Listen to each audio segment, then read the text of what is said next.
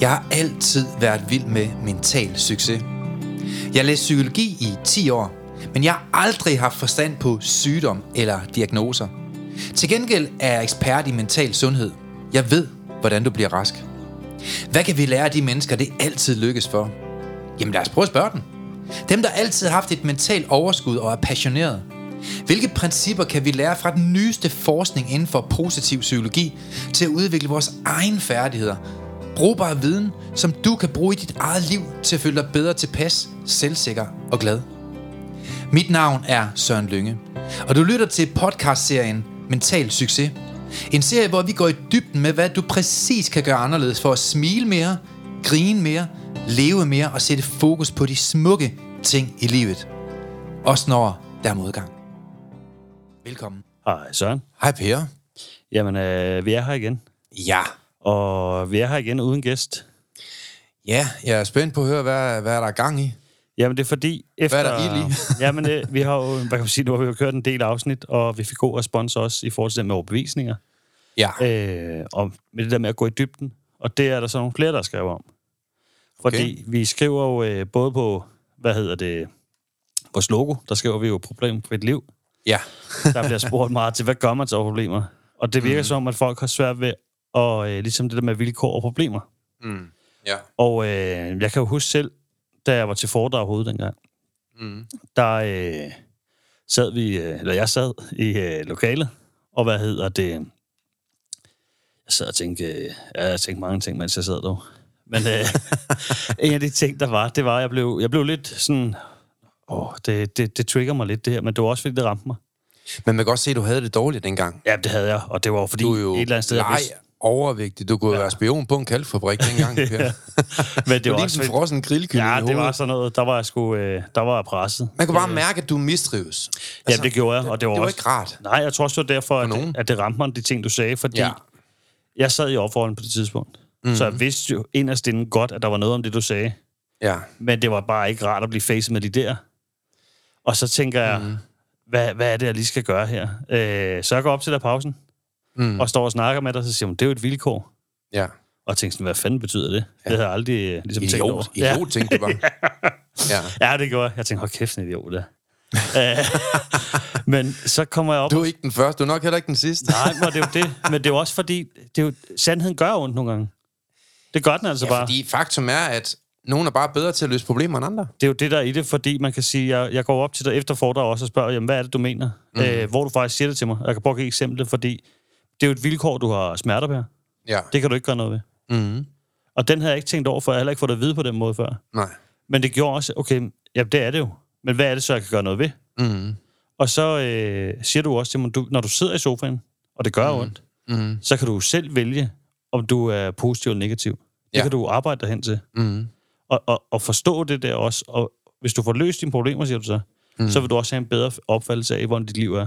Og det er jo det, det kommer til at handle om i dag. Ja, så derfor synes jeg, øh, og så også fordi vi har fået spørgsmål mange gange i forhold Mm. til det der med øh, problemer generelt. Jamen, hvad er det, som man skal gøre, når man skal løse, og hvad er et problem? Og Mm. vi skriver meget med problemer. Få et problem, problemfrit liv. Øh, så jeg tænkte, det kunne være relevant at tage, øh, ja, at blive, blive en god problemløser. Så øh, dem af jer derude, i dag skal du simpelthen få nogle af verdens bedste mm. teknikker til, hvordan man bliver en god problemløser. Men hvis man skal tage den sådan helt for, for scratch, kunne jeg til at sige, Ja. definere det, vilkår og problemer, og Mm. ja, kan du så ikke prøve at lige komme med en, med en smør omkring det, skulle jeg sige? Giv et nummer. ja, lige præcis. Jamen altså, man kan sige, problemer, det er jo, når vi har en livssituation, hvor der er flere ulemper forbundet med den end fordel. Mm. Så øh, der er mange problemer, der bliver skabt, og mange af de problemer, vi har, det er nogen, som vi selv er en del af. Vi er selv i centrum af stort set alle vores problemer. Og, øh, og de problemer, der ikke er skabt os selv, de har som oftest hår på hovedet. Det vil Ja. sige, det er andre mennesker. Men igen, mennesker, som vi selv har lukket ind i vores liv. Ja. Det er meget muligt, at du har en kæreste, der er en kæmpe idiot, men hvem valgte ham? Ja. Nå, okay, det gjorde du selv. Ja. Så man kan sige, at mange af de problemer, vi mennesker, vi løber ind i, det er nogen, som vi selv har været med til at skabe. Og det, der jo er spøjst ved problemer, det er jo, når jeg taler, lad os sige, jeg taler med 5.000 mennesker på et år, mm. så opererer jeg jo ikke i 5.000 problemer, jeg træner folk i at undgå. Men jeg opererer måske i 10 eller 12 problemer. Fordi mange af de problemer, mennesker har, det er de samme. Ja, for det var også der undrer. Du sagde det til mig i starten. Og nu kan jeg godt se det efter, at de som selv har haft klienter. Ja, Det, det er jo de samme ting, man hører. igen og igen.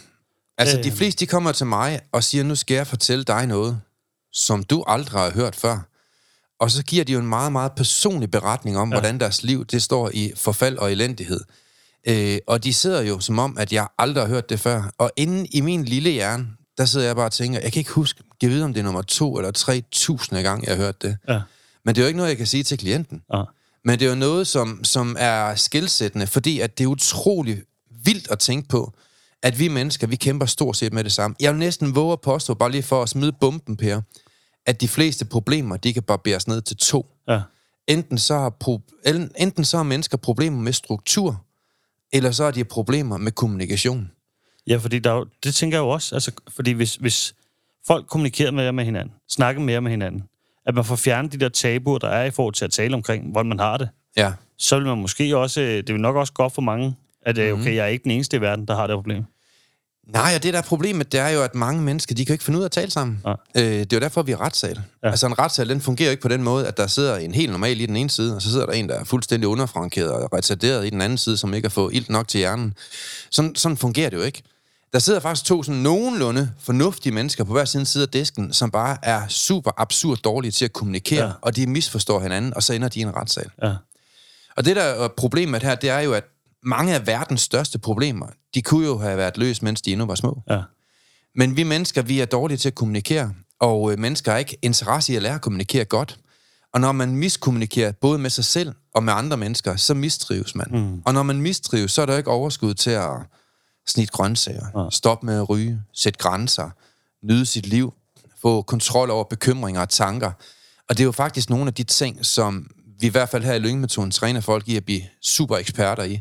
Det er at få fuldstændig kontrol over sit mindset, og Ja, for- dermed sit liv. ja, du nævner også struktur. Ja, fordi at, jeg ved godt, det er sådan en floskel at sige struktur, men der er faktisk mange, der ikke har styr på struktur. De kommer ikke i seng til tiden, de står ikke op til tiden, de får ikke planlagt, og altså struktur, det er også nogle, nogle, nogle gennemse livsregler, nogle livsprincipper, eksempelvis hvis man har været til middag ved nogle venner, jeg ved godt, jeg har sagt det før, men det er bare så sigende. Det her med, at man inden 24 timer efter, man har været inviteret ud, jamen, så ringer man selvfølgelig og siger tak for i går. Mm. Og enten så forstår man det, eller så forstår man ikke det. Men hvis man ikke forstår det, så er man i mangel på struktur. Ja. Øh, og struktur, det er jo også, at vi får vasket vores tøj, vi får sparet op, vi får lavet planer, vi får set frem. Hjernen har brug for struktur, hvor er vi på vej hen, og hvorfor. Altså et menneske, som har en specifik struktureret plan for sin fremtid, han når langt mere på et år, end alle, alle andre mennesker gør på seks år. Jamen, der er også, altså, jeg kunne, vi kan, nu, kan, nu kan vi jo, jeg kan godt afsløre lidt, men vi har jo arbejdet mm. med, med, med ADD, Ja, det har vi gjort en del, ja. ja. øh, og det der også var der, det var Jeg skal lige sige, det er lidt på forsøgsplan. Ja, ja, ja, ja, det kan godt være, at det, øh, mm-hmm. det er noget nyt, som vi har siddet med. Ja, Ja. Men det har hjulpet mig sindssygt meget. Mm-hmm. Øh, men der har vi jo også kigget endnu mere ned i strukturen, ja. hvordan jeg egentlig gør det. Ja. Og man, det, jeg kan godt afsløre, at jeg har aldrig generelt været struktur, struktureret, inden jeg kom herud overhovedet på nogen måde. Nej. Øh, Men der fik du også nogle regler. ja, Der var nogle regler, du skulle indordne dig under. Du måtte ikke se mobiltelefonen samtidig med at se fjernsyn. Ja. Du måtte ikke øh, arbejde i 120 minutter i træk. Og så videre, og så videre. lige præcis. Men mm. det er også, jeg kan se det også, hvordan jeg ligesom planlægger ting i livet. Ja. At hvordan man har planlagt tingene ind i livet, skaber strukturen. Mm. Så man skaber en struktur, der faktisk fungerer i en som menneske også. Mm. Øh, men det gør også, at der er rigtig mange ting, hvor man ikke kommer hen i problemerne. Mm. Fordi okay, men det er der styr på, det har jeg kontrol over, det, det ved jeg, hvad der skal der, jeg ved, hvad der skal der. Mm. Så, så det, det, man fungerer bare lidt under det, men det kan selvfølgelig være svært at skabe i starten. Jamen, det er jo det, der er hele essensen her. Det er jo, at man kan faktisk træne alle mennesker i at lære at undgå problemer. Ja, fordi jeg, jeg troede jo ikke på det, da du sagde det til mig, fordi mm. jeg, jeg tænkte bare, endnu en gang, hold kæft, sådan et idiot. Ja. ja. Fordi hvorfor skal vi nu have fat i det? Øh, mm. Men jeg må jo også give dig ret i, at det har virket, fordi jeg blevet medicinfri på det også. ja, du øh, smed jo den sidste pille, ja. ADD-pille, fordi du fik struktur i dit liv. Ja, så det har jo... Øh, og det der med at, men det, der også har været, Mm. det er jo det der med at kunne løse problemer, når de kommer. Og definere, er det vilkår det her, eller er et problem? Mm. Og så hvad jeg skal gøre, hvordan jeg skal handle. Eller endnu bedre, løs problemet, inden de kommer. Ja, for den har også øh, blevet langt mere opmærksom på det, når man får advarselsnærende. Fordi, jeg ved ikke, om du kan komme lidt ind i det. Mm. At, Meget at gerne. et Mm. problem, op, at det der med et problem opstår ikke bare. Der sker nogle ting inden. Ja, og jeg vil godt lige sige noget indledningsvis, inden jeg fortæller den her, Per, fordi jeg synes jo faktisk, at det kan også være frustrerende at være mig, fordi jeg har jo et program, lyngemetoden, det, det ved alle efterhånden, Ja. hvor, at, øh, hvor jeg næsten kan garantere, at du bliver problemfri. Ja. Det kan jeg ikke sige, fordi folk de tror, jeg er komplet idiot, hvis jeg siger det. Fordi det, det mennesker, de kæmper med, det fylder så meget i deres hjerne, at de kan slet ikke se sig selv ud over, at man kan leve et liv uden problemer. Og der har jeg bare brug for at sige til alle, der lytter i dag, der er masser af mennesker, der lever et liv uden problemer. Mm. Selvfølgelig er det jo ikke helt problemfrit liv. Der kommer jo problemer ind fra siden og fra højre, og der sker nogle ting, og ting kan gå i stykker. Men der er mange mennesker i verden, der lever et liv helt, helt uden problemer. Altså, jeg har ikke problemer i mit liv. Ja. Det er jo ikke fordi, at jeg ikke har et problem, men jeg fokuserer ikke ret meget på det. Og de få problemer, der kommer ind for højre, dem får jeg løst meget hurtigt, og de fleste dem ser jeg, før de kommer, og dermed bliver løst, før de kommer. Men det kan være, at vi skal definere problem, fordi man kan sige, der er Ja. jo der, hvor du er henne i en følelsesmæssig krise. Øh, Ja. Men der er jo også, øh, øh, man kan sige, man kan fange den over advarselsen. Det er jo nok det, du er rigtig god til at fange, faktisk inden det ligesom når at blive. Mm. Så det bliver store problemer med, med kriser også. Øh. Jamen, lad os prøve at tage den. Altså, vi tager jo ikke... Altså, i, i, i, i, det, i den metode, jeg har skabt, Ja. Lyngemetoden, der, der definerer vi jo ikke et problem som at værende et problem. For der er noget, der går forud for et problem. Ja. Og det er det, vi kalder advarselssignaler. Men der er faktisk også noget, der går forud for advarselssignaler. Det er det, der hedder indledningen. Mm. Så lad os sige, at øh, vi to vi skal i byen i aften. Ja. Og vi er i Esbjerg. Og man ved, inde på den bar i Esbjerg, nede på havnen, der er der næsten altid problemer. Så kan vi to så vælge at gå derind, eller vi kan vælge ikke at gå derind. Men indledningsvis, bare det jeg ved, at der er mange problemer derinde, så vil jeg antage, at jeg vil foreslå for dig, Per, lige den der bar, der er der rigtig mange problemer. Så lad os tage en anden bar, mm. der er lidt mere sofistikeret, hvor der kommer nogle andre klientel. Ja. Og så har vi jo undgået en lang række af problemer. Ja. Vi kunne så også valgt at gå derind. Så kunne vi sidde derinde, og så er der et par fyre, der er provokerende. De sidder lidt og snitter fingeren med en kniv, og de sidder og er meget provokerende, eyeball og alt muligt andet. Og så er det jo ligesom advarselsignal. Okay, ja. her kan der ende meget hurtigt et stort problem. Det er et advarselsignal. Ja. Men problemet er ikke kommet endnu. Ja. Der er ingen problemer. Så nu vælger vi at gå, bare på grund af, at vi har lyttet til vores advarselsignal. Hvor du siger, Søren, de ser altså ikke særlig søde ud, dem der. Det ser ud som, vi er turister. Jeg tror bare, vi skal gå. Ja. Bum, så har vi lyttet til et advarselsignal, vi har mærket det, og vi vælger at gå derfra. Så har vi jo sådan set løst problemet, allerede inden problemet er kommet. Vi kan så også vælge at blive derinde, mm. og tænke, vi stiger der bare igen, sådan en idiot. Og så er det så, at der kommer problemer. Mm. Man får en på hovedet, man giver en tilbage, og så har vi jo et problem. Men det værste i et problem er faktisk ikke problemet generelt. Det er den tilgift, et problem giver, og det er det, vi kalder følelsesmæssige konsekvenser. Det er, det gør ondt. Mm. Og de fleste mennesker, når der er mange følelsesmæssige kom, øh, komplikationer og konsekvenser i deres liv, så sker der jo det, at de begynder at kompensere for den. Det er øh, kroppens psykeforsvar, der mm. går i gang. Når vi har skadet os selv så mange og oplevet så mange problemer, vi ikke kan se os selv ud over vores problemer, fordi vi har enten skabt problemer på rigtig mange platforme, og vi har lukket mennesker ind i vores liv. Der er rigtig mange problemer, som nu også er blevet vores problemer. Der er mange gange intriger, problemer, diskussioner, og ting, vi ikke kan overskue. Jamen, så lever vi med en masse følelsesmæssige konsekvenser. Mm. Og det er som oftest de følelsesmæssige konsekvenser, der gør, at folk de begynder at drikke for meget, ja. eller isolere sig, eller udvikle psykisk mistrivsel. Men det er faktisk stadigvæk ikke det værste. Der er noget, der er meget værre end det her. Og det er det, vi kalder kriser. Ja. Og desværre så oplever jeg, at de fleste danskere, og specielt håndværkere, de skal simpelthen dybt ud i krise, skilsmisse, konkurs, alt muligt andet, før de gider at arbejde med at undgå problemer. Ja. Og så henvender de sig til mig. Men er det en stolthed, eller er det ego, eller er det, hvad, hvad fanden er det, der gør, at man ikke tager fat i det før? Er det, fordi man advarer advars, eller man ignorerer advarssignaler og indledning, eller hvad, hvad, hvad er det, der... Altså man kan jo sige, at øh, mange de vil gerne undgå de følelsesmæssige konsekvenser, mm. men det er langt bedre ikke at ind, lave indsatsen der. Man skal sådan set blive bedre til bare at være en god problemløser. Og jeg tror, det er undersocialisering, der gør, at mennesker de ikke er det. Ja, fordi man kan sige, det, det man jo lærer herude, det er jo at tage det i indledning. Og mm. tage det, når du begynder at mærke advarssignaler af dig selv. Jeg tror problemet, eller det jeg gjorde før i hvert fald, det var, selvom jeg mærkede advarssignaler. Ja, Jeg kunne, man ved jo godt, de er der. Man ved jo godt, man ikke har det godt mm. med det, de ting, der sker, og det er noget lort. Ja. Man får, øh, der er en regning, man ikke betaler. For at tage det sådan lidt... Øh, ja lad os tage den der. øh, og jeg kender den, fordi jeg havde, det havde jo også rod i det, der man kan sige, der ligger Ja, der. det kan jeg godt huske. Mm. Øh, der er en regning, jeg ikke øh, får betalt. Ja, der kommer en rykker. Det gør der nemlig jo. Og Mhm. man kan sige, det giver mig, det giver mig et første advarsel, at jeg ikke har til penge, eller til at betale regning. Det er jo den ene Ja, man ting. ved det jo egentlig godt. Ja. Øh, Man har jo selv bestilt regningen, skal ja, lige huske på. præcis. Alle de regninger, du får ind ad døren, dem har du selv bestilt. Så kommer der en rykker. Så Ja. kommer der en rykker. Og så lige også, så kører den videre derfra jo. Mm. Så det ender jo med til sidst, at jeg bruger enormt meget energi, tid på hele det her. Og tænker ikke, at jeg kan tænke mig ud af det, så ender du i en økonomisk krise, i tankerne i hvert fald over det her, Ja. i stedet for noget, hvor, okay, hvad er det, jeg kan gøre herinde? Fordi det var også, du sagde til mig en gang, jamen har du overvejet at ringe til dem og for, forklare dem situationen? At Ja. du faktisk har brækket ryggen og ligger hjemme lige nu, mm. så du ikke kan betale? Ja. Og den havde slet ikke slået mig.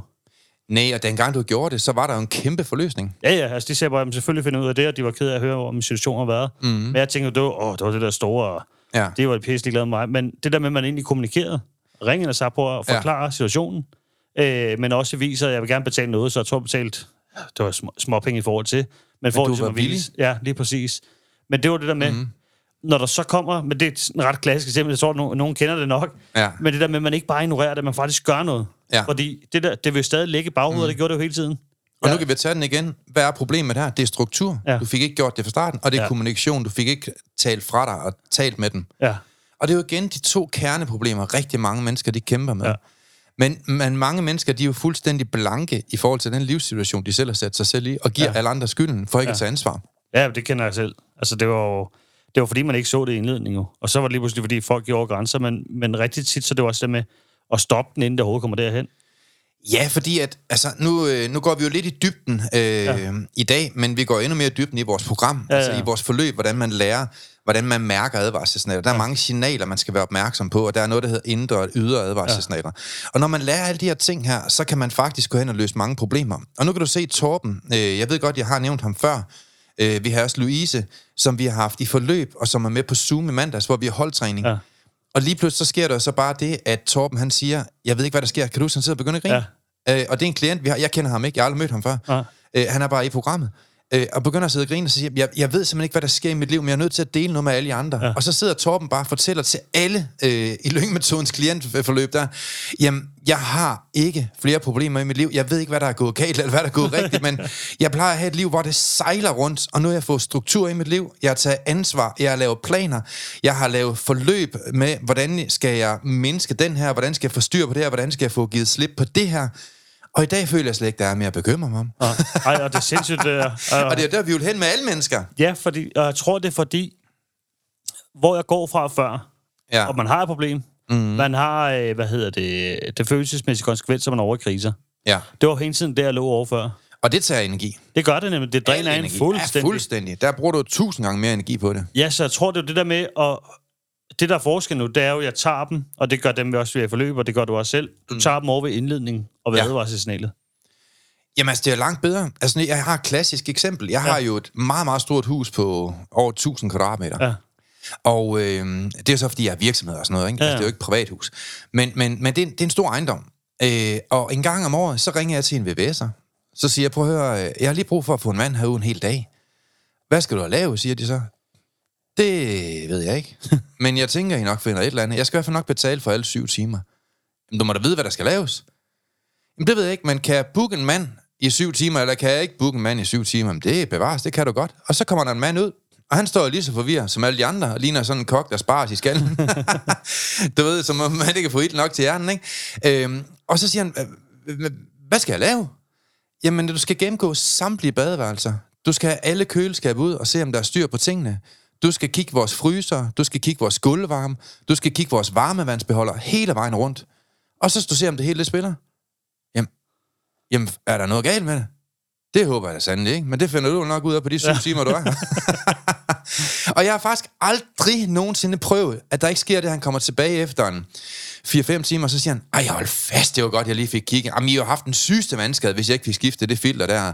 Den her, den har jo været fuldstændig knæppet, den her, den er jo, der skal jo skiftes til rør og sådan noget. Ja. Og så går han og skifter i den indledende fase, inden vi har kriser i vores ja. hjem og vandskader. Og fordi, at jeg gør det en gang om året, så er det de eneste syv timer, jeg betaler til en VVS'er på et årsplan. Og ja. der vil jeg sige, at give de der 3.000 kroner på et år, for at forebygge alle de problemer, der kunne have haft værk, og ja. forsikringssager, det er altså rigtig, rigtig godt givet ud. Fordi hvis jeg bare får en skade på et WC, og det drøber ned i den anden etageejendom, eller et eller andet, så vil det måske koste 100.000. Ja. Så jeg får løst problemerne i den indledende fase. De biler, jeg kører rundt i, de tager også, øh, dem tager vi også til service. Ja. Øh, og, og når de er til service, jamen, så er der styr på tingene, og så går det ikke i stykker. Så mange af de ting, jeg har i mit liv, det er nogle ting, som jeg altid får styr på i den indledende fase. Ja. Jeg har også altid sparet sammen. Ja. Jeg har altid penge på min konto. Altså et 0 på min konto er ikke et 0 For mange år tilbage, der var 5.000 kroner et nul. Hvis der er 5.000, så er der ingen penge. I mit mindset i hvert fald. Ja. Og så går der lidt tid, jeg får sparet lidt op, og jeg har lidt til dagen af vejen, og så lige pludselig så er 10.000 mit nye nul. Ja. Og det gør bare, når der er en lille krise, som der kommer i alle menneskers ja. liv, noget uforudsigeligt, ja. et eller andet, der går i stykker, det kan jo ske selv for den bedste, så er der penge på kontoen til at få styr på det i den indledende fase. Fordi mange af de regninger, du ikke får betalt, de kommer til at koste firedobbelt. Ja. Det, jeg giver 10.000 for, det giver andre mennesker rest væk 50.000 for. Mm. Og jeg gør det også i forhold til mit banklån. I mit banklån, der er det jo sådan, det er gratis at lave banklån om hver fjerde år. Og jeg, jeg lyver ikke, hvis jeg siger, at det har jeg tjent nok en halv million på at lave. Ja. Og det er noget, der tager mig 10 minutter. Og jeg får altid spurgt nogle af mine dygtige venner til hjælp, og siger, prøv at jeg tror, vi skal lave min banklån om. Det er gratis at lave om nu. Jamen, ved du hvad, du skal ned på 0,2. Det er det fuldstændig vanvittigt lige nu, og du kan gøre det gratis lige nu. Bum, så konverterer jeg min lån, så jeg sparer en masse penge. Ja. Og så mens andre, de sidder nu og betaler 6%, så sidder jeg og betaler 0,2% ja. for mit lån. Og det gør jeg altså bare i den lange ende. Altså efter 15 år, jamen så har jeg bare en million mere udbetalt, end andre mennesker ja. har. Og det er kun på at konvertere min lån. Men igen, mange af de mennesker, der forstår det her, enten så forstår man det, eller så forstår man det ikke. Men de mennesker, der er i den indledende fase, er gode til at kommunikere til deres venner, fortælle om skuffelser, fortælle om forventninger, og alle de her ting i den indledende fase, de undgår en lang række af problemer. Og derfor kan jeg med oprejst pande sige, at jeg har meget, meget, meget få problemer i mit liv. Men det er ikke et tilfælde. Nej, det er jo fordi, du tager dem, og du fanger dem der, og det, man kan sige, vi gør det jo også arbejdsmæssigt. Det må man sige. Altså, der har ja. vi jo også fokus på det. Okay, hvad, hvad er det, vi kan gøre her? Hvordan kan vi gøre noget her? Og hvad er det, der har været af forskellige ting, der ligesom har givet nogle udfordringer, så man, mm-hmm. så man fanger det langt hurtigere, så det ikke er ting, der vokser op og bliver større? Ja, fordi nu, som jeg sagde her indledningsvis, altså mange af verdens største problemer kunne have været løst, mens de endnu var stå, mm. er små. Altså også mange af verdens største katastrofer. Og nu kan vi jo se, hvad, hvad koster en skovbrand? Ja. Altså, det er jo ubeskriveligt, hvad den kan koste. Men får man styr på den i den indledende fase, så koster den kun 500 kroner at få styr på, ikke? Ja, for det der med, at det ikke spreder sig, så man kan sige, har vi noget, hvor at vi tænker, okay, og det er jo også, der kommer vi jo siger det til hinanden. Mm-hmm. Det går, at vi lige skal være opmærksom på det her. Ja. Så taler vi jo egentlig om den, og så, okay, så får ja. vi kommunikeret om den igen. Ja. Øh, og så, hvad hedder det, se om det er noget eller ikke er noget. Men så i hvert fald forberedt, mm. hvis det skulle, der er noget, der skulle udvikle sig rent arbejdsmæssigt, vi skulle have styr på. Ikke? Nu tror jeg også, at vi herude kender hinanden så godt, at jeg kan jo bare, du behøver ikke engang sige noget mere. Nej. Når du kommer ind og ligner en halv ka, en kat, fordi at, øh, jeg kan se, at du sover dårligt, ja. du har rygproblemer, og det har du jo i ny og næ. Ja, ja. Jamen, jeg tror endda, jeg, jeg siger det måske lige til dig, har du haft en dårlig nat? Ja. ja. Og så snakker vi ikke mere om det. Ja. Fordi at du har punkt 1 ikke brug for at snakke om Ja. det. Men du har brug for, at jeg ikke kommer med 25 opgaver, eller et eller andet dilemma, vi skal Ja. diskutere, eller et eller andet. Lige den dag i hvert Ja. fald. Og du har måske også brug for, at, øh, at, at vi skal ikke lige hænge sammen hele eftermiddagen. Ej, Du kan tage hjem, når du har brug for det. Jamen altså, Ja. hvis man, hvis man kender de der signaler ja. Ja. ved hinanden, og man bliver bedre også som familiemedlemmer og kollegaer, så glider ting bare meget nemmere. ja, fordi jeg tror også, altså netop i familier, jeg, Mhm. mm. jeg har sådan lidt, der er mange mænd, der siger, jamen så lige pludselig gad hun bare ikke mere. Ja. Har- Hun har nok sagt nogle gange, skal vi ikke lave et eller andet sammen? Kunne du ikke prioritere os som familie? Alle de her ting. De, der har jo været masser af de her ting. Der har været masser af kommentarer. Der har været masser af ting inden. Men mm-hmm. det, det sker jo ikke bare. Altså to mennesker bliver jo ikke bare uvenner over ingenting. Nej, problemer opstår ikke bare. Nej. Det er en udbredt misforståelse. Man bliver ikke bare skilt. Men- Man, øh, man bliver ikke bare fyret. Normalvis i hvert Nej. fald. De fleste mennesker, de ved godt, hvis et firma går dårligt, og der, der er anledning til, at man bliver fyret. Ja. Men man bliver ikke bare fyret, og det hele går godt. Så er der jo et eller andet galt. Ja. Man bliver ikke bare uvenner. Altså, der, ting sker ikke bare. Man bliver ikke bare fed for den sags skyld. Altså, Nej. man, man, man bliver ikke fed hen over natten, vel? Nej. Altså, når ting sker, man får ikke bare angst. Man får ikke bare stress. Der har været millioner af advarselssignaler. Ens barn begynder ikke bare at skære i sig selv. Man begynder ikke bare at mistrives. Man bliver ikke bare mobbe. Altså, mange problemer kommer snigende ind, fordi vi er for dårlige som mennesker til at opdage, hvordan problemerne er, ja. øh, og hvordan de opstår, og hvorfor de opstår. Fordi hvis, hvis dig derude, du vidste, hvordan du fik løst dine problemer, så er jeg ret sikker på, at du har gjort det. Men mange mennesker, de ved ikke, hvordan de løser deres problemer, og derfor har de problemer. Mm. Og det var hele årsagen til, at jeg skabte lyngemetoden dengang. Det var at træne folk i færdigheder til at leve et problemfrit liv. Og det var det, jeg prøvede at give eksempler på, og gratis værktøjer ja. fra vores program her i den mentale podcastudsendelse. Jeg tænker sådan lidt, når nu nævner du det med, hvis du kunne give lige kort, hvad kunne øh, folk gøre, hvis de skulle løse nogle problemer? Ja, for det første så har vi jo snakket om, at mange problemer giver anledning til bekymringer. Ja. Og når man har en bekymring, så skal man dele den op i to. Enten så er din bekymring et vilkår, altså noget, du ikke kender dig på, eller så er dit, øh, din bekymring et problem, altså noget, du selv kan løse. Ja. Alle problemer kan løses. Og så er der nogen, der siger, ah, Søren Lynge, jeg har da helt sikkert et problem, du ikke kan løse. Øh, nej, Det har du ikke. Fordi så er det ikke et problem. Så er det igen et vilkår. Og så sent som her til morgen, jeg var tidligere op i dag, og øh, så havde jeg en, øh, en mand, som er entreprenør. Han har fucket op over hans familie der. Han har været fraværende i mange år. Og nu mærker han de følelsesmæssige konsekvenser af kriser, der ligger i det. Hans ja. tre piger gider ham ikke, og hans kone vil gerne skilles. Ja. Så derfor har han henvendt sig til mig. Det er sådan en meget typisk øh, ting. Og så siger jeg, lad os kalde ham Karsten. Karsten, ja. hvad bekymrer du dig om? Jamen, han bekymrer sig om, hans familie kan lide ham. Og det ligger han vågen omkring om natten, ja. om, de, om de går fra ham alle sammen nu. Så siger han, det er et vilkår. Hvorvidt de kan lide dig eller ej, det kan du ikke styre, det kan du ikke manipulere med. Altså, de kan lide dig, hvis de kan lide dig, eller de kan ikke lide dig, hvis de ikke kan lide dig. Og så er der sikkert mange gode årsager, hvis de ikke kan det. Men der er jo også en delpart af den her bekymring, der er et problem. Ja. Det er noget, du selv kan ændre på. Og det er, at du kan egentlig godt gøre dig selv mere likeable. Ja. Og jeg bad ham faktisk meget konkret om i dag at gå en runde rundt i huset. Tag en blok og papir med rundt, og så gå rundt og lytte til sine tanker, om der er nogle ting, den her familie har bedt ham om. Og jeg vil godt ved med, at når han ser køleskabet, så, har, så kommer en tanke om, Nå, det er rigtigt, det sagde min kone for to år siden, det brummede, og det er pisse irriterende for hende, det hører hun på hver dag. Og det brummer stadigvæk. Måske skulle jeg købe noget nyt. Ja. Måske kan du gå ind på din datters værelse, og datteren hun har sagt, jamen kan du ikke male den væg, far? Der er både fugt på den, den er klam, og det er jo 25 farver, for før det var mit værelse. Kan du ikke male den? Og så kan du gå i gang med at gøre nogle af de ting, som du har lov at gøre for 10 år siden, ja. hvor du har været dybt fraværende i tre år. Og så kan du gøre nogle ting, der rent faktisk gør dig mere likeable. Så der er mange ting, man selv kan gøre, men det er jo svært at løse et problem, hvis du i første omgang ikke selv vil erkende, at du har et. Ja. Det, du ikke vil være ved, kan du jo ikke ændre på. Så derfor er det jo enormt vigtigt også at have en lille smule selverkendelse, og så sige, men hvad er det, der er problemet med mit liv, og måske definere at få skrevet det ned, og så lave en handlingsplan.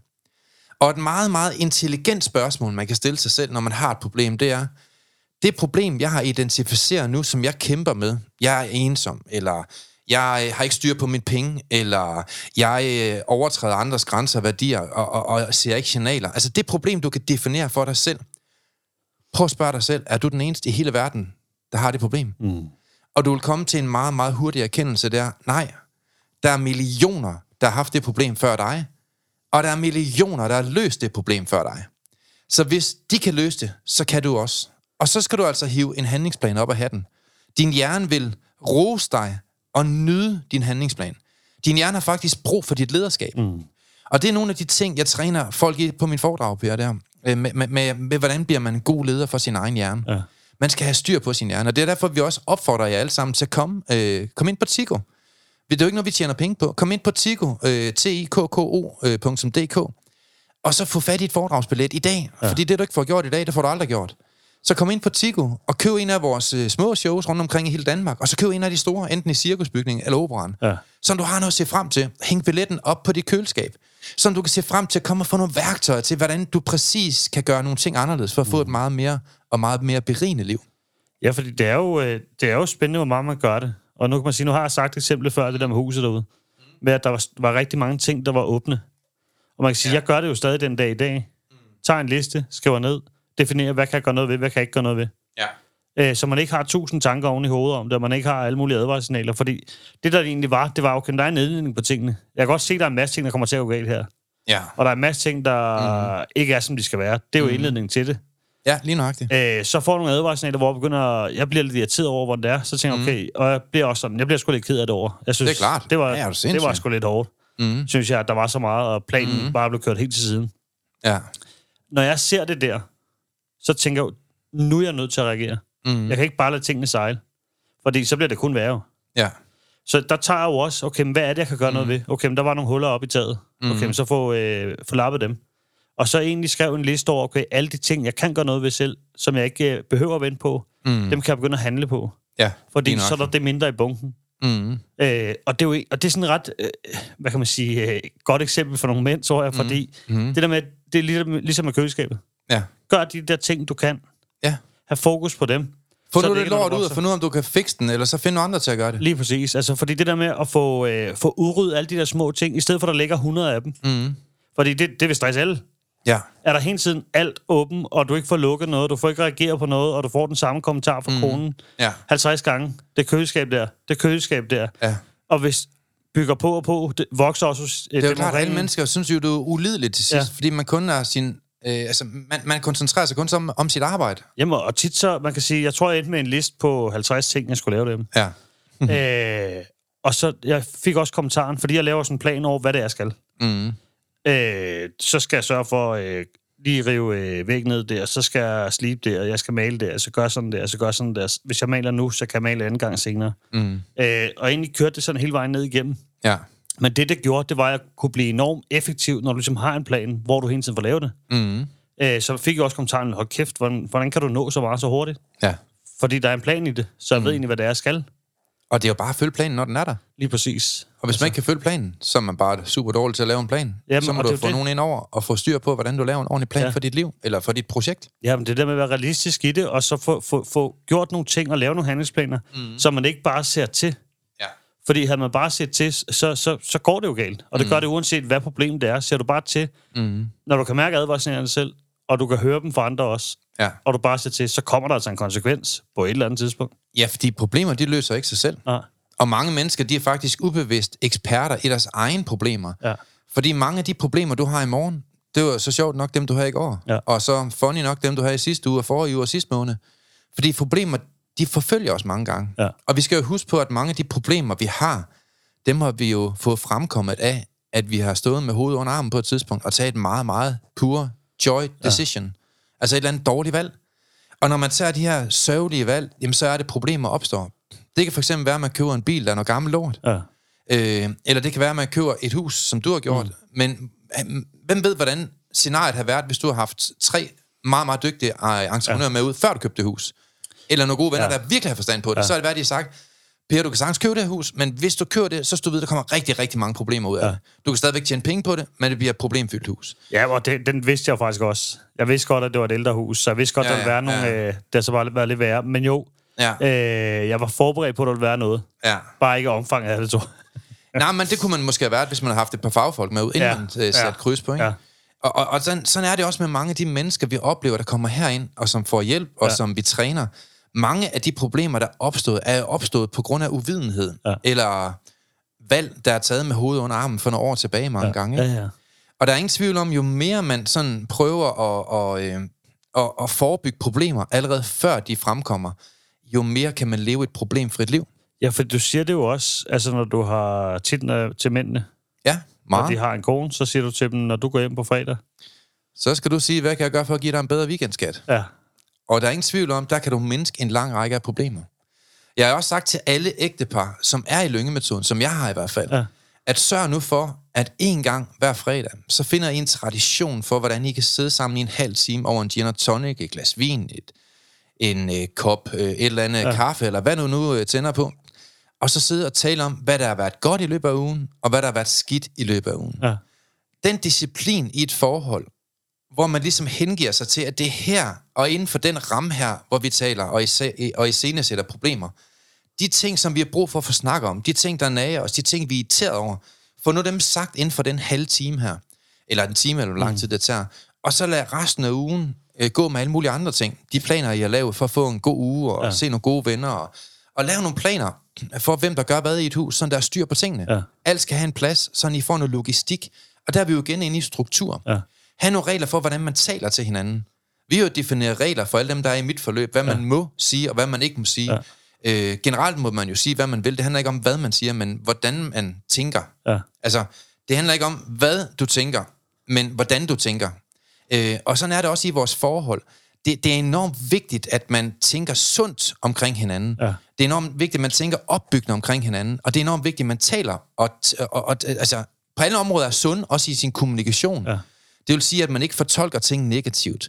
At man ikke tilbagetrækker sig. At man ikke overanalyserer. For det kommer der kun to taber ud af. Mm. Men man skal prøve at have en super kommunikation over for de mennesker, der er under eget tag. Og hvis man ellers gerne vil det, så skal man starte ud med at have en super tone over for sig selv. ja, Mange mennesker taler ikke pænt til sig selv. Og dermed taler de ikke pænt til deres kone, og dermed taler de ikke pænt til deres børn, og dermed taler og tænker de ikke pænt om andre mennesker. Og så bliver det en stor bagtagelse og negativ omtale, og så går ting jo i stykker. Ja. Det ved vi jo. Og det er jo der, hvor at man kan sige, hvis man lever sit liv efter nogle sunde livsprincipper, så er man jo fri for at komme derud, hvor mm. man taler grimt til hinanden, og dermed laver et lorteliv for sig selv. Jamen, det er jo lige præcis det der, fordi i, i det her, Mm-hmm. hvis vi tager alternativ, og det er netop en familie, som du lige har forklaret der, så kommer manden lige pludselig, at nu vil konen skilles. Der har jo været 500 advarselssignaler inde der. Ja, 5.000. Altså, og, og Han det står jo, fuldstændig blank som mand der. jamen, og det er det der, altså, jeg, jeg, nu skal jeg ikke sidde og være heldig, fordi jeg har selv stået i det og været det samme selv før. Jeg har Ja. selv været det mand. Øh, så, så jeg forstår det jo godt, men jeg ser det jo også i dag, når folk gør det. Så, jamen, der er ting, mm. kig nu på de advarsler, der er, inden det går galt. Jamen, jeg har, da, jeg, har da, jeg har da sagt til mange af de mænd, jeg har i forløb, prøv at høre, du kan dressere en abe til at forstå det, jeg siger. Ja. Så hvis du bare gør, hvad jeg siger, så virker det. Ja. Men det er også meget atypisk, fordi normalt, når folk de har psykiske, dysfunktionelle tanker og så videre og så videre, og, og ting i deres liv, så går de jo til en psykolog. Ja. Øh, og en psykolog analyserer fortid. Øh, det er det, de opdrager til. Det er deres uddannelse. Så de sidder og finder ud af, hvad der gik galt, og hvad man følte, at det gik galt, og hvad man tænkte, at man følte, at det gik galt. Ikke? Og det er ikke noget forkert i. Men en psykolog vil aldrig rette sætte en, som jeg gør. Nej. Øh, og ham jeg for eksempel her til, her til morgen, en, en, en håndværker, entreprenør, stor entreprenør inden for København. På et tidspunkt, så, øh, så var jeg sådan lidt stille i telefonen, og, så, og han sagde noget, han, han, har, han har gjort over for hans familie, hvor jeg bare responderer på, siger, har du været frosset ned, eller hvad sker der? Ja. Altså, hvad sker der? Og han kunne ikke lade være med at grine. det kunne jeg heller ikke. Men, men, men den der retoriske måde, hvor jeg sådan ligesom siger, prøv at det skal du simpelthen stoppe med fra i morgen, det der. Ja.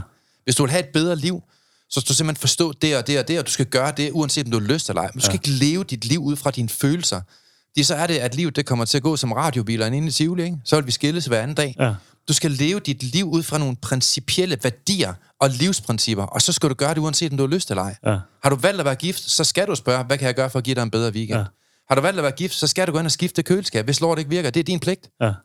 Og når man ellers får en mand til at være en mand og få styr på de her ting, og man kommunikerer ordentligt med sig selv og med andre mennesker, og man er i værdighed en, som er en god far med de ting, der ligger i at være det, jamen, hvad, hvad, hvad har du så af problemer?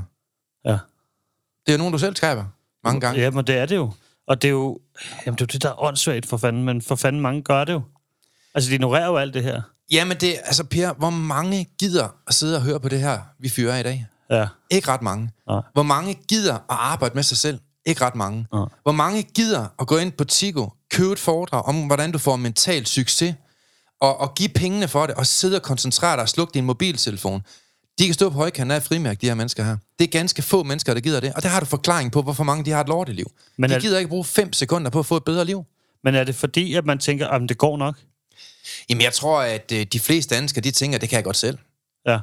Når det er noget med mindset at gøre. Ja. Men det er mærkeligt nok, fordi hvis de skal lave en faldstam, så kan de godt ringe efter en VVS'er. Ja. Og skal de have lavet et gulv, der skal afhøves, så kan de godt ringe efter en tømmer. Ja. Og skal de have lavet en ny reol, så kan de godt ringe efter en snedker. Ja. Og skal de have lavet en reparation på en mur, så ringer de efter en mur. Og vil de lave en øh, bold til deres kone, så går de ned og køber en ned i bageren, i stedet for at lave den selv. Ja. Men når det handler om deres mindset, så gider de ikke bruge en krone. De vil hellere have på nye fælger til 40.000. Og der har du forklaring på, hvorfor mange de har et lorteliv. Ja. De har jo ikke interesse i at få det bedre. Og så er det jo så, at man, man rider, som man sadler. Jamen, det er jo det. Men der er der ingen tvivl om, dem der kommer og får et nyt liv her, og får nogle værktøjer omkring det, jamen de går ud i den anden ende og får et fantastisk liv. Og det kan alle jo få. Derudover er der også nogen, der er dygtige til at finde det selv. Dem ja, skal vi ikke negligere. Ah, det er der også i det. Der er der masser af ja. dygtige mennesker derude, som sådan har en intuition og får en... De har en, en god opdragelse, ja. de har fået nogle gode værdier hjemmefra, som, som lykkes øh, langt bedre end de fleste. Men det er jo ikke dem, vi taler om lige nu. Nej, og man kan sige, det er jo også det er jo en skam, at øh, man ikke spørger om hjælp. Mm. Men jeg tror også, man sidder... Jeg, det gjorde jeg selv. Man kan sige, jeg har jo selv været hele bølgen igennem med psykologer. Øh, og det, hjalp ikke mig i hvert fald. Men du vidste jo ikke bedre. Du Nej, gjorde, hvad du kunne. Du Jeg gik jo gjorde- til en psykolog i Ja. troen på, at det var det bedst tænkelige Ja. øh, værktøj, der fandtes på jordkloden. Bortset fra, at du så fortæller, at du ikke fik et eneste værktøj. Ja, det, nej, det gør jeg heller ikke. Men det er jo så folk, der misforstår, hvad psykologer de er, de er ansat på jordkloden til. Ja, fordi det var også det, der var forskellen, der kom med og ud, og det mm. snakker vi jo også om. Du måtte gerne være lidt hård ved mig, så jeg ikke, mm. fordi jeg havde rigtig mange undskyldninger. Jeg sad i offerrollen, og havde rigtig mange følelsesmæssige kriser og problemer generelt. Ja. Øh, Men jeg tror heller ikke, psykologer de er brandet sig med at give værktøjer. Psykologer Nej, det- har det har sig ikke. med at sidde og lytte til folks følelser. Det er der ikke noget af vejen for. Ja. Altså, hvis man vil have værktøjer, så er det jo lyngemetoden, man Ja. går til. Ja. Fordi det, det, er- det er jo det, vi brander os på, kan man sige. Vi giver værktøjer til, hvad du skal gøre anderledes i morgen. Men, men det gør en psykolog ikke. En læge giver piller. Ja. Psykolog giver øh, samtaler omkring, hvordan øh, ting er opstået, ja. øh, og hvad man følte, da det opstod, og så videre, og så videre. Og det kan være super relevant for rigtig mange mennesker. Ja. Og så er der nogen, der tænker, at jeg skal bare have noget værktøj. Fint, så er det jo så lyngemetoden, ja. man går til. I hvert fald for de flestes vedkommende. ja, man kan sige... Det, og det, er det styrer man jo se. selv. Ja, Mm. fordi man, man kan lære det her. Man kan lære at løse problemer, inden de opstår. Altså jeg vil sige, det er nok en af de vigtigste færdigheder, et menneske kan lære mm. igennem et helt liv, det er at blive en god problemløser. Og det er nok en af de færdigheder, som ganske få bruger fem minutter på. Ja, Jeg har jo altid været meget, meget glad for at udvikle mig selv og mit mindset. Ja. Jeg har givet rigtig, rigtig mange penge for det selv. Ja. Jeg har jo købt uddannelser, som er meget, meget, meget dyre. Ja. Øh, jeg tror, jeg har fortalt øh, det i hvert fald til dig, ja. men, men, men den der viden, jeg har omkring stress, den har jeg henhåndet igennem en mand på jordkloden, der har en Ph.D. i stress. Ja. Så når I her i Mental Podcast-udsendelsen hører mig undervise om stress og bekymringer, så den viden, jeg har, den er jeg måske give 25.000 kroner for om dagen. Ja. Øh, for der er kun en mand på jordkloden, der har en Ph.D. i stress, og det er ham, som jeg, øh, jeg har tilegnet mig viden fra, øh, og, og mange andre ting også. Men ja. jeg har brugt rigtig meget krudt på at finde ud af, hvordan kan jeg servere et budskab, så alle kan forstå det, håndtere det og ændre deres liv dagen efter. Det har jeg brugt mange, mange års forskning på. Og det er jo det, der kommer til gavn for mange mennesker igennem den her udsendelse, eksempelvis, ja. eller igennem de her foredrag, som vi så vælger at fyre af i hele Danmark. Hvis vi lige skal have noget sidste med her i dag i forhold til, når folk har problemer generelt, hvad de kan gøre lige nu for at gøre en, for at lave en lille landgrim. Jamen, øh, punkt nummer et, det er sådan set, Per, at få skrevet øh, alle sine problemer ned. Ja. Og så skal man prøve, og øh, nu kommer vi til at gå lidt dybt her. Man skal i hvert fald lige prøve at bruge hovedet og reflektere lidt. Men der er noget, der hedder situation, reaktion, energi, ønske og resultat. Når man har et problem, så er der jo en eller anden form for situation, der udspiller sig. Mm. Og du har en eller anden form for reaktion. Din øh, chef kalder dig øh, inkompatibel kæmpe idiot. Og du har en eller anden form for reaktion på det her. Ja. Den reaktion bruger du en vis mængde af energi på. Men den mængde af energi, du bruger på at reagere på andres situationer, hvad har de af løsninger? Får de løst dit problem, eller får de ikke løst deres problem? De fleste, de bruger en mængde af energi, hvor de måske bruger 25 timer på at tale om, hvor stor en idiot chefen var. Ja. Men resultatet, hvad er det, Per? Blev din chef en bedre chef, at du sad og bagtalte ham 25 timer? Nej. Øh, nej, det gør han ikke. Det er fint. Det vil så sige, den, den, den, den strategi, du har, ved at sidde og bagtale alle de mennesker, som ikke kan lide dig, og som har trådt over dine fødder i trafikken, eller på arbejdspladsen, eller hvor det nu måtte være, nede i brusen, dem har du så valgt en strategi, og dem taler du simpelthen om. Ja. Så du sidder og bagtaler den sammen med 17 andre venner, og det bruger du 25 timer på om ugen. Ja. Men resultatet, det kan stå på højkanten af et frimærke. Ja. Hvor intelligent løsning synes du så selv, det er. Og der går vi så ind og så siger, vi mener i lyngemetoden, at mange mennesker, de skal lære at forstå, at den mængde af energi, du ligger i at lave et resultat eller en løsning på et problem, den skal stå proportionelt med resultatet. Ja. Giver det sådan mening? Ja. Så, så hvad kan man gøre anderledes? Man kunne måske udforme det, vi kalder en klage, som jeg træner mange mennesker i. Og det er nogle bestemte måder, man taler på, og så går man ned til chefen og i tale sætter det her problem. Øh, og, og det kan måske løse noget, og det tager måske kun 10 minutter. Ja, for det, det er jo den, der jeg synes, der var sindssyg. Mm. Det der med, hvor man kommunikerer med andre. Ja, det er igen kommunikation. Ja. Du, lærer, du, du kommunikerer til 25 timer til 25 mennesker, eller ja. til 100 mennesker omkring, hvor stor en idiot din chef er. Ja. Det er kommunikation. Men det er den ringeste form for kommunikation mm. i forhold til at dræne din energi. Og så ligger du for øvrigt også vågen om natten, fordi ja. du synes, han er en kæmpe idiot, og du har ikke fundet løsninger. Så din reaktion, den er super, super uintelligent og super dårlig. Og den strategi, du har valgt for at løse dit problem, kan stå på højkanten af et frimærke igen. Der er ingen strategi i det, og den er dårlig. Så det, man skal gøre, det er at måske sige, okay, hvis jeg har en chef, der bagtaler mig, eller kalder mig noget dumt, eller et eller andet, så kan du måske betale sig og skrive brev til ham. Ja. Eller måske banke på hans dør en dag, hvor du ikke er sur, og så sige, hey, øh, jeg synes faktisk, den måde, du talte til mig på forleden dag, det, det blev jeg rigtig ked af, og jeg synes, det var endnu mere pinligt, du gjorde det, mens alle andre hører på det. Ja. Jeg vil sætte pris på, hvis du har noget udsat på mig, så øh, kan vi lige tage den ene om, fordi øh, jeg er faktisk rigtig glad for at være her, og jeg vil gøre alt, hvad jeg kan for at være en god medarbejder. Og jeg ved også godt, at jeg ikke altid har det bedste sprog selv, så jeg tænker om, måske, om vi kunne begrave stridsøksen og, øh, og starte forfra. Ja. Og så kan chefen sige, at jeg kommer også til at overtale, og det må du også undskylde. Og jeg skulle selvfølgelig ikke have svine dig til, mens andre hører på det. Det er jeg ked af. Og ved du hvad? Næste gang, hvis jeg har noget udsat for dig, så kommer jeg selv lige til dig alene. Ja. Så tager vi den lige, når vi er fri. Ja. Ved du hvad? Så har du brugt 10 minutter på det, og nu har du rent faktisk fået et resultat ud af det. Det er jo ret mere, mere intelligent. Og de 25 timer, du så kunne have haft spildt, dem kan du nu bruge på at være en god far i stedet for. Ja, fordi nogle gange så er det også det, at man, man indblander, jeg ved ikke, hvor mange mennesker i ens lort. Jamen, det er jo en dansk kutume. Alle skal have at vide om alt i den elendighed. Ja. Folk, de laver jo sange om det. Ja. Blabber løs om alt det lort, de oplever i deres liv. Vi andre gider ikke høre på det. Nej, men Jeg jeg, gider også, ikke. nej, men jeg tror også, at nogle gange så gå til, gå til hovedet. Altså gå ind og få kommunikeret, okay, hvad er det? Ja. Øh, I stedet for at man bruger så meget energi på det, Mhm. mm-hmm. fordi at bruge 25 timer på en uge på at være negativ eller sur over et eller andet, hvor man kunne have prioriteret det helt anderledes, haft god tid med vennerne, mm-hmm. haft god tid med familien, have, altså nogle gode stunder i stedet for, at man tankerne kører rundt i et eller andet negativt, ikke? Mm. Ja. Øh, så det er, jo, det er jo åndssvagt, men det må også være noget i forhold til, at man bliver konfliktsky, eller man ikke ved, hvor man skal kommunikere det. Jamen, det kan man så også lære at undgå. Ja. Fordi hvis du kan se fordelen i at mindske 25 timer, men bruge 10 minutter, Ja. hvorfor bruge 25 timer på noget, der ikke løser noget, Ja. hvis du kan bruge 10 minutter på at finde en løsning med det Ja. samme?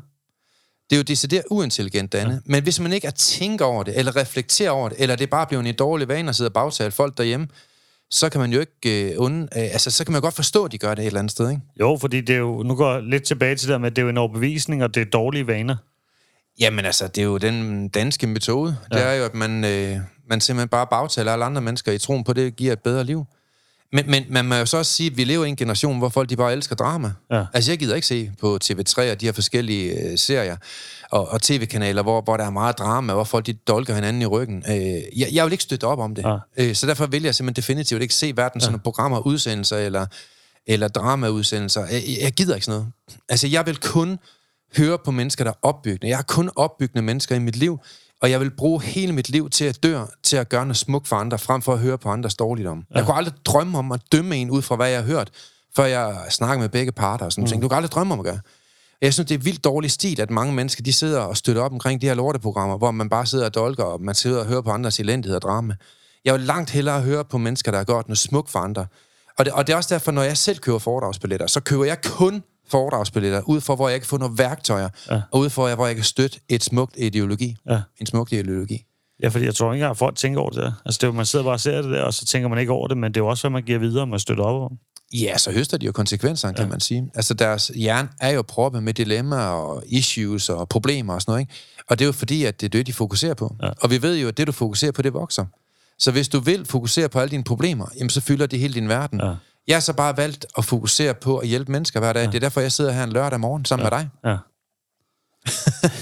Jamen altså, ja. Sådan er det jo bare. Men jeg tror, jeg tror, konsekvensen af den måde, jeg lever på, den, den er sjovere at høste i hvert fald. Jamen, jeg tror også, det der er i det, det er jo det der med at trække sig ud af vanen og de der normale ting, man gør. Fordi jeg har sgu selv siddet også før i tiden, og sidder mm. om aftenen og set de der lorteserier. Ja. Øh, men det er, vist, det er jo... Man kommer ind i sådan en vane og sådan en rutine i en almindelig hverdag, hvor det bare kører ud af, at det er normalen, og så sidder man lige sådan lidt og sådan lidt. Mm. Men ja. det er bare ikke særlig berigende. ja. Og det kører jo en selv ned i et hul på et eller andet tidspunkt. Ja, det er i hvert fald super, super dumt, kan ja. man sige. Ikke? Og jeg tror ikke, jeg tror ikke, at folk tænker over, at de gør det. Det starter et sted, og så kører det bare derud, og så, så kører man bare som vane, og så går det galt, tror jeg. Men hvis jeg skulle give et, øh, sådan et, et konkret råd, Per, Ja. til folk, som, øh, som kæmper med det her, dig derude, hvis du, øh, hvis du oplever at have mange negative tanker og har mange problemer, jamen så prøv at skrive op, hvornår kommer dine negative tanker primært. Ja. Jamen er det, når du er på arbejdspladsen, eksempelvis? Er det, når du tænker på din ekskæreste? Eller er når du er stresset, eller måske ikke får din nattesøvn? Øh, og bare det at være opmærksom på det, kan faktisk altid gøre noget godt for folk. Ja. Og så skal I altid huske på, dem af jer, der er derude. Vrede og irritation har altid en grund. Ja. Det er ikke for sjov skyld, vi er vrede. Men den er sjældent så god, som man synes, den var, da man mærkede vreden. Ja. Så man skal lige tænke over, om vreden den kan betale sig og handle så kraftigt på, så man begynder at stå og råbe og skrige ja. og, og ligne sådan en idiot, ikke? Så, øh, så når, man, når man gerne vil have negative tanker væk, så er det enormt vigtigt, at man prøver at flytte sin opmærksomhed over på noget andet. Ja. Kognitiv fleksibilitet kalder vi det. Øhm, øhm, at der er mange, der tror, at de kommer af med den negative tanke ved at bekæmpe følelserne af den. Men, men jo mere du prøver at bekæmpe en følelse, jo mere vil den fylde i dig. Ja. Og det er det, mange mennesker de misforstår. Og der, der, der saver de lidt grenen væk under sig ja. selv. Så det, de prøver at bekæmpe, det fokuserer de rigtig meget på, og så kommer det bare til at fylde endnu mere. Ja. Sådan fungerer vores hjerne. Hjernen forstår ikke kommandoen, det må du ikke. Ja. Så hvis du siger til hjernen, du skal ikke tænke på en blå elefant, så tænker den på en blå elefant. Ja. Så man kan sige, at man styrker den negative tanke, hver gang man giver den opmærksomhed og tænker på den. Så derfor skal man faktisk gøre det stik modsatte. Man skal simpelthen finde noget andet, en hobby, noget ja. andet at lave, eller få gjort op med de her ting, der giver anledning til en negativ tanke. Så derfor skal man i stedet for øh, løse problemet, ja. ellers så skal man flytte sin opmærksomhed væk fra problemet. Det er i hvert fald den mest intelligente løsning, sådan rent kognitiv, metakognitiv set. Så man skal simpelthen lade være med at fodre de negative tanker med din opmærksomhed. Mm. Øh, og man skal ikke kæmpe imod tanken, men man skal fokusere på noget andet, bare for at stille den sådan helt klart op. Ja. Fordi jo mere man tænker på noget, desto stærkere greb får det om dig. Ja. Sådan fungerer vores hjerne. Og alle hjerner fungerer ens, Per. Vi øh, programmerer den bare meget forskelligt. Ja. Yes. Jamen, øh, jeg tænker, vi lige skal slutte med... Ja, det var næsten dagens råd, det der, var det ikke? Og det, det vil jeg sige, det var et godt råd. Ja, det synes jeg Så, også. øh, Jamen, øh, så, så tror jeg sgu lige, at jeg siger lidt også. Nej, men altså det der, jeg tænker, hvis du kan mærke en dårlig følelse i kroppen af det. Ja. Du ved, man ved det godt. Konen har sagt det 100 gange. Mm. Du ikke reagerer på det. Det kan også være manden, omvendt. Bare lige for, at jeg ikke... øh, Nu er det jo meget sjældent, en mand fejler, Per. Ja, Bare lige det- sådan. Men det der med, hvis det blev sagt mange gange til dig, hvis du mærker en følelse i kroppen af, okay, det her det føles ikke rart, så lad være at ignorere de signaler, din krop sender til dig, og så handle på det, gør noget ved det, og få styr på det, i stedet ja. for at lade det sejle dig ud af, og lade, hele, lade det hele gå galt. Og lad os hjælpe dig. Lige vi præcis. elsker at, at, hjælpe andre mennesker. Vi hjælper folk hver dag. Book en gratis samtale. Ja. Jeg elsker, jeg har cirka fem samtaler om dagen. Ja.